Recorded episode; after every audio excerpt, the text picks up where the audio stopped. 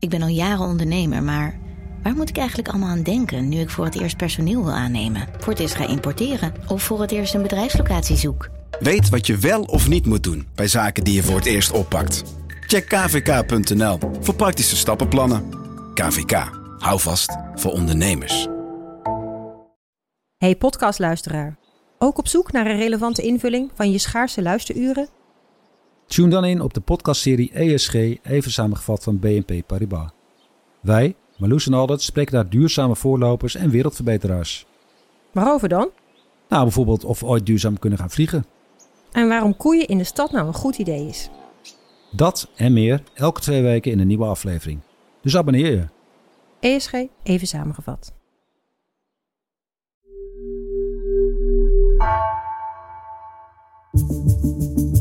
Vanaf de redactie van NRC het verhaal van vandaag.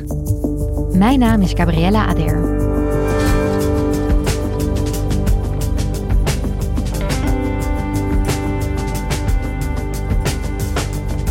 Vanaf morgen is de toegangsweg tot de A12 bij Den Haag het strijdtoneel tegen subsidies voor fossiele brandstoffen. Actiegroep Extinction Rebellion wil de weg blokkeren totdat de overheid de subsidie schrapt. Juridisch redacteur en commentator Volker Jensma ziet dat actievoerders bereid zijn ver te gaan. Maar hoe ver kunnen zij gaan?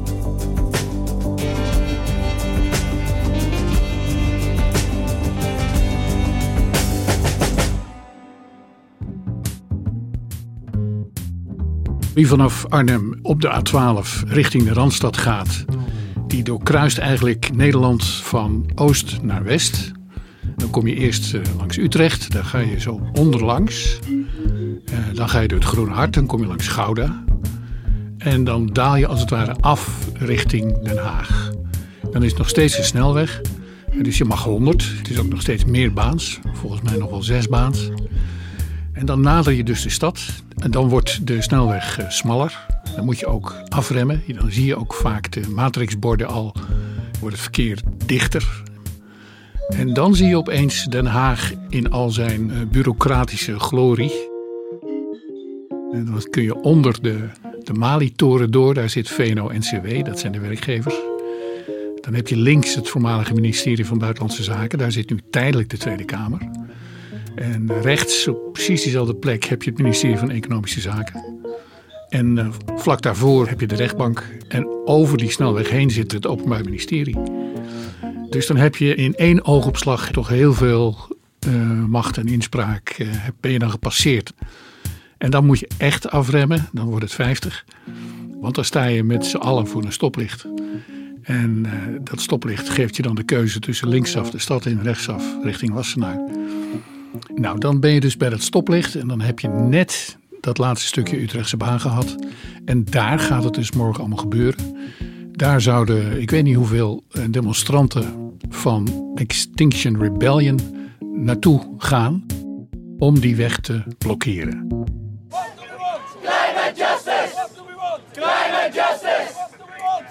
En dus kunnen we komend weekend weer dit soort tafereelen verwachten. Want de klimaatgroep Extinction Rebellion wil vanaf zaterdag een marathonblokkade van de snelweg in Den Haag. Dagen achtereen willen ze de toegangsweg A12 bezetten. Dat is iets wat niet mag en wat al zeven keer, of misschien wel dan dus de achtste keer, toch gaat gebeuren. En daar is enorm gedoe over met de gemeente, met burgers. Er zijn ook al vonnissen over gemaakt. Het is echt uh, een, een symbolisch beladen plek. En de vraag is, hoe ver mogen zij uiteindelijk gaan? Wat is het recht op demonstratie nou precies waard? En wat moet ik me voorstellen bij zo'n uh, marathonblokkade? Gaan de actievoerders daar echt slapen? Gaan ze daar 24/7 de boel blokkeren? Ja, dat is een hele goede vraag. Uh, waar we op dit moment nog geen antwoord op hebben. Extinction Rebellion heeft aangekondigd dat het een permanente blokkade zal worden.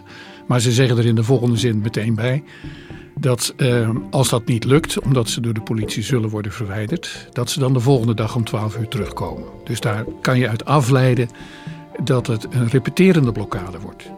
En nog even voor iemand die dat misschien ontgaan is, tegen wie of wat protesteren Extinction Rebellion dan precies bij zo'n permanente blokkade? Dat is fossiele subsidies. Dat is een term geworden. Het is toch wel de olifant in de kamer. De belastingvoordelen voor bedrijven die veel fossiele brandstoffen verbruiken. Het zou gaan om 37,5 miljard euro aan belastingvoordelen per jaar. Er zijn heel veel regelingen in de Nederlandse economie die uh, het bedrijfsleven bevoordelen als het gaat om het gebruik van gas, steenkool en olie. Uh, hoe meer je ervan gebruikt, uh, hoe goedkoper het wordt. Er zijn ook productiestromen waarop helemaal geen belasting wordt geheven, maar waar wel van de fossiele brandstoffen gebruik wordt gemaakt. En Extension Rebellion wil dat dat wordt afgeschaft, in ieder geval afgebouwd.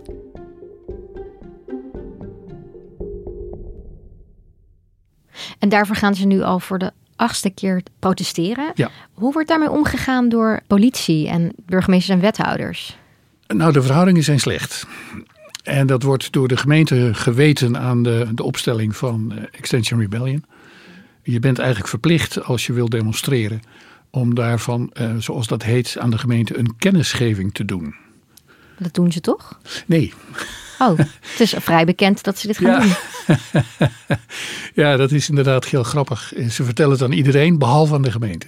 Okay. Je wordt geacht aan de gemeente een briefje te sturen uh, waarin staat, nou wij komen zaterdag van 2 tot 5 en we willen op het Malieveld of we willen voor de ambassade van puntje, puntje, puntje. Uh, we denken dat er zoveel mensen komen. We zorgen zelf voor de orde en we zorgen ook voor toiletten.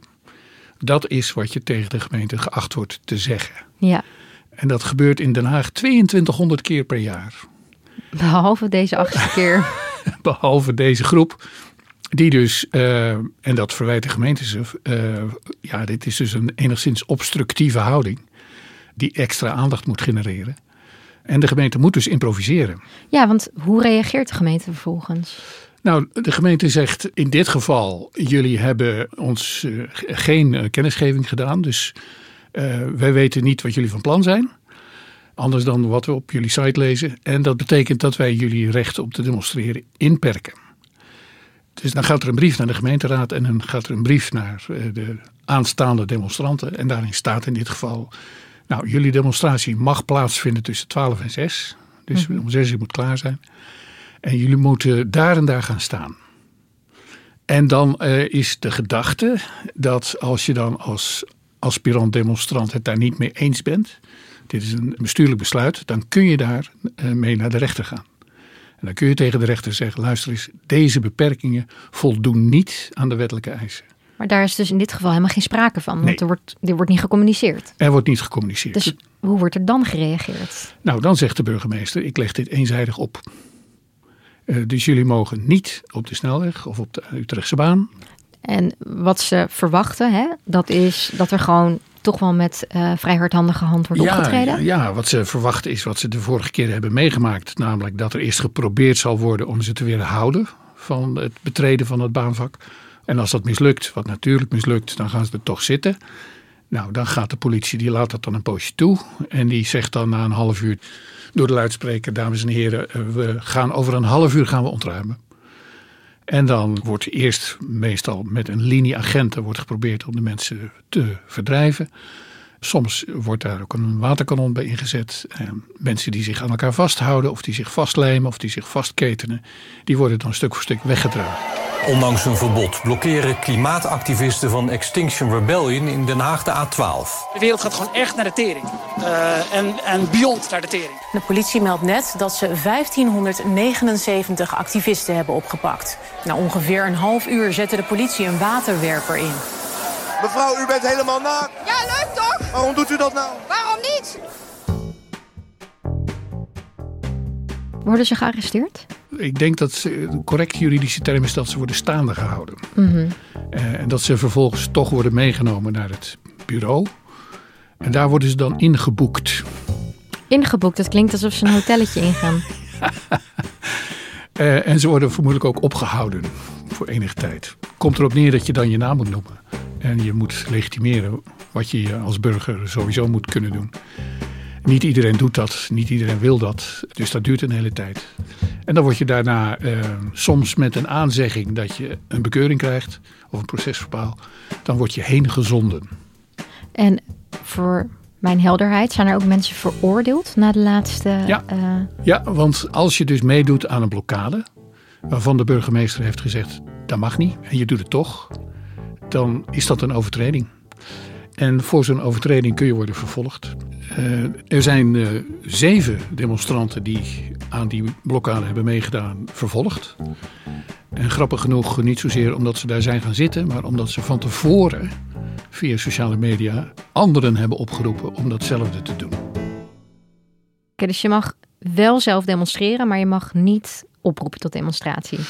Nou, je mag natuurlijk zelf daar ook niet gaan zitten. Alleen eh, heeft het Openbaar Ministerie er dus voor gekozen om die, om die organiserende rol aan te pakken. Ja, Het Openbaar Ministerie vroeg om 60 uur taakstraf en de rechter heeft er 30 uur van gemaakt.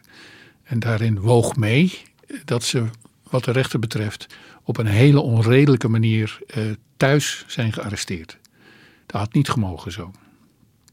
Hè, Er zijn in totaal 1500 en nog wat mensen daar eh, opgepakt, staande gehouden, meegenomen, ingeboekt. dat zijn er echt heel veel. Dat zijn er heel veel. Het is een enorm circus. Allemaal bussen in en dan da- eh, op het bureau uitladen. Dat is de- wat dat niet een beslag legt op de politie en op het Openbaar Ministerie. Dus die zijn ook helemaal niet te vervolgen. Dat gaat ook niet gebeuren. Dus dat is een, dat is een circus wat zich dan afspeelt. Dus het OM zoekt naar mensen die er op de een of andere manier uitspringen. En dat is dus in dit geval gebeurd.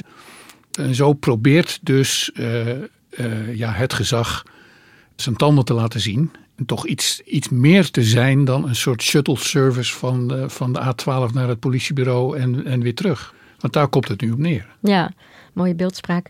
Want als ik jou zo hoor, vraag ik me af hoe ver reikt dan het demonstratierecht in Nederland? Nou, het recht op demonstratie dat staat in onze grondwet en ook in een flink aantal eh, verdragen. Eh, en ook overigens nog in de, de wet op de openbare manifestaties. Maar de tekst uit de grondwet is natuurlijk het mooist. En die luidt het recht tot vergadering en betoging wordt erkend, behoudens ieders verantwoordelijkheid volgens de wet. En dat betekent dat je dus niet de wet mag overtreden. En dan wordt er nog een voorwaarde gesteld namelijk aan de overheid of aan de wetgever, die kan regels stellen om dat betogingsrecht eh, te beperken. Maar dan moet het wel gaan ter bescherming van de gezondheid, in het belang van het verkeer of ter bescherming of voorkoming van wanordelijkheden. Nou, dan heb je hem helemaal. Je mag eigenlijk alles, zolang het geweldloos is. En zodra het van tevoren is aangekondigd. Netjes kennis geven, praten met de burgemeester, afspraken maken met de politie, geen intimidatie, geen vernieling, niet andere mensen aanvallen. Maar stel je nou voor, er wordt netjes aangekondigd dat er een belangrijk knooppunt wordt geblokkeerd. Ja. Denk je dat de overheid daar, ja, dat zou toestaan? Ik denk dat dat eenmalig, dat je daar best kans op maakt dat je dat zou mogen. Er is ook wel internationaal door eh, het Europese Hof in Straatsburg uitgemaakt dat het blokkeren van snelwegen onderdeel mag uitmaken van het demonstratierecht. Hm. Alleen eh, de overheid heeft ook het recht om dat na enige tijd toch weer in te perken. Dus het is bepaald niet zo dat je eh, het recht mag claimen om, ik noem maar wat, de A12 of het Prins Klausplein voor altijd te bezetten. Nee, Ik bedoel, zover gaat het alweer niet. nee, lijkt me ook erg onhandig voor de rest van Nederland. Nou ja, die belangen gaan dan toch meewegen. En ja, dan vraag ik me toch ook wel af, waarom gaat Extinction Rebellion steeds daar protesteren? Ik kan daar alleen maar over speculeren. Eh, ik lees dat ze het een symbolische plek vinden. En dat kan ik snappen. Ja, Tegelijkertijd is het ook een plek eh, waarvan het gezag heeft laten zien dat ze het niet willen. Dus als je mot wil, dan moet je daar zijn. En het, het ergert de burgemeester van Den Haag buitengewoon dat die strategie wordt gevolgd. Ja. Eh, Dus dat ze worden uitgedaagd en dat er wordt geprobeerd om zoveel agenten en zoveel officieren en zoveel zittingsruimte bij de rechter te krijgen om je punt te maken. ja ze lokken echt eh, uit de tent, hè? Ja, ja, het is polarisatie. En eh, dat is een probleem dat eigenlijk groter is dan de vraag eh, hoe groot het demonstratierecht nou is. Want het gezag kan echt een heleboel hebben. Je mag ehm, optochten houden, je mag incidenteel het verkeer tegenhouden, je mag ook incidenteel op een kruispunt gaan zitten, je mag eh, tegendemonstraties houden, eh er mag echt heel veel. Wat mag er eigenlijk niet? Nou, wat er niet mag, dat hebben we nou toevallig onlangs gezien bij de boerenprotesten. Wat niet mag is uh, willekeurig op de snelweg afval dumpen en dat in de brand steken. Dat mag niet. Wat niet mag is consequent bij een abortuskliniek met je borden en je menigte gaan staan.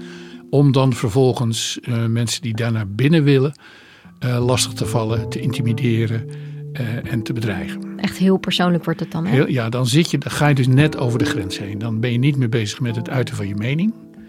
Uh, maar dan ben je dus bezig met het aanpakken van bepaalde mensen. Wat ook niet mag, dat is demonstreren met een fakkel voor het huis van de minister. Ook dat is over de grens, dan zit je op intimidatie. Dan zit je eigenlijk op geweld. Dat hebben we gezien. En als we nu nog even teruggaan naar de A12, hè? Ja. Mm, heb je enig idee hoe dat er dan uit zou moeten zien als ze een permanente blokkade gaan houden? Ja, ik, ja, dat worden dan toch tentjes. Misschien dan lowland tentjes nu, die, eh, van die opgooitentjes. En dan zie ik ook weer kampvuurtjes en spandoeken en gezelligheid. Dat is dan en kleurigheid en media-aandacht en uh, agenten die een beetje voor de orde proberen te zorgen.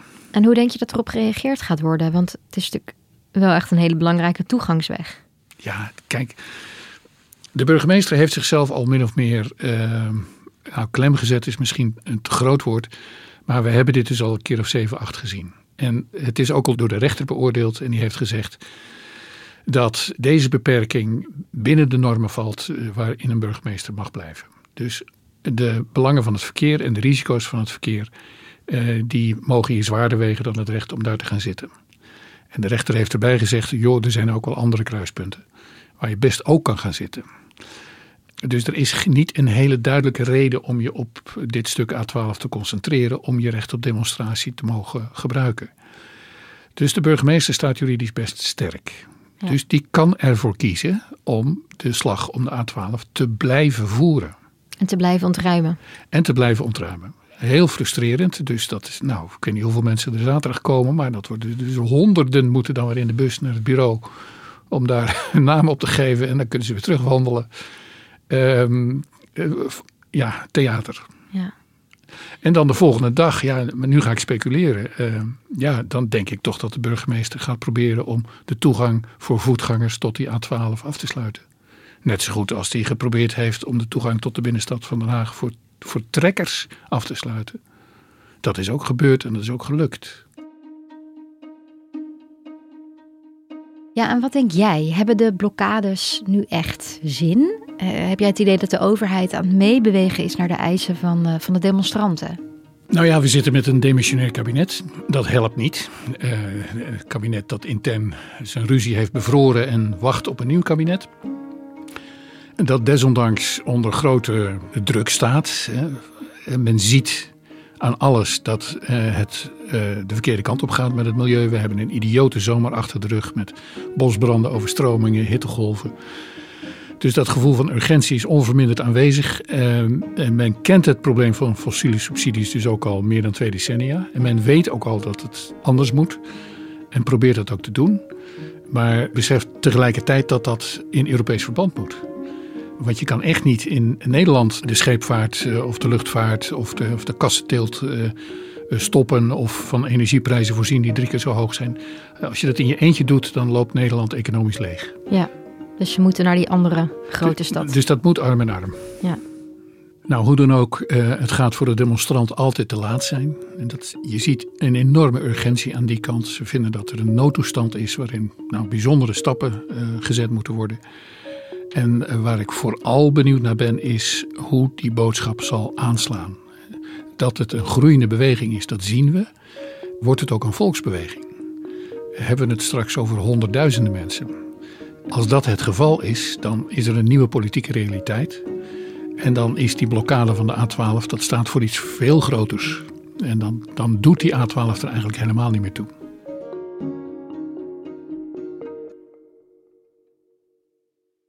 Dankjewel, Volkert. Tot je dienst.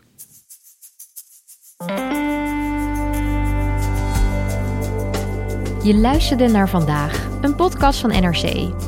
Eén verhaal, elke dag. Deze aflevering werd gemaakt door Lis Doutsenberg en Jan-Paul de Bond. Coördinatie door Henk Ruigrok van de Werven. Dit was vandaag, maandag weer.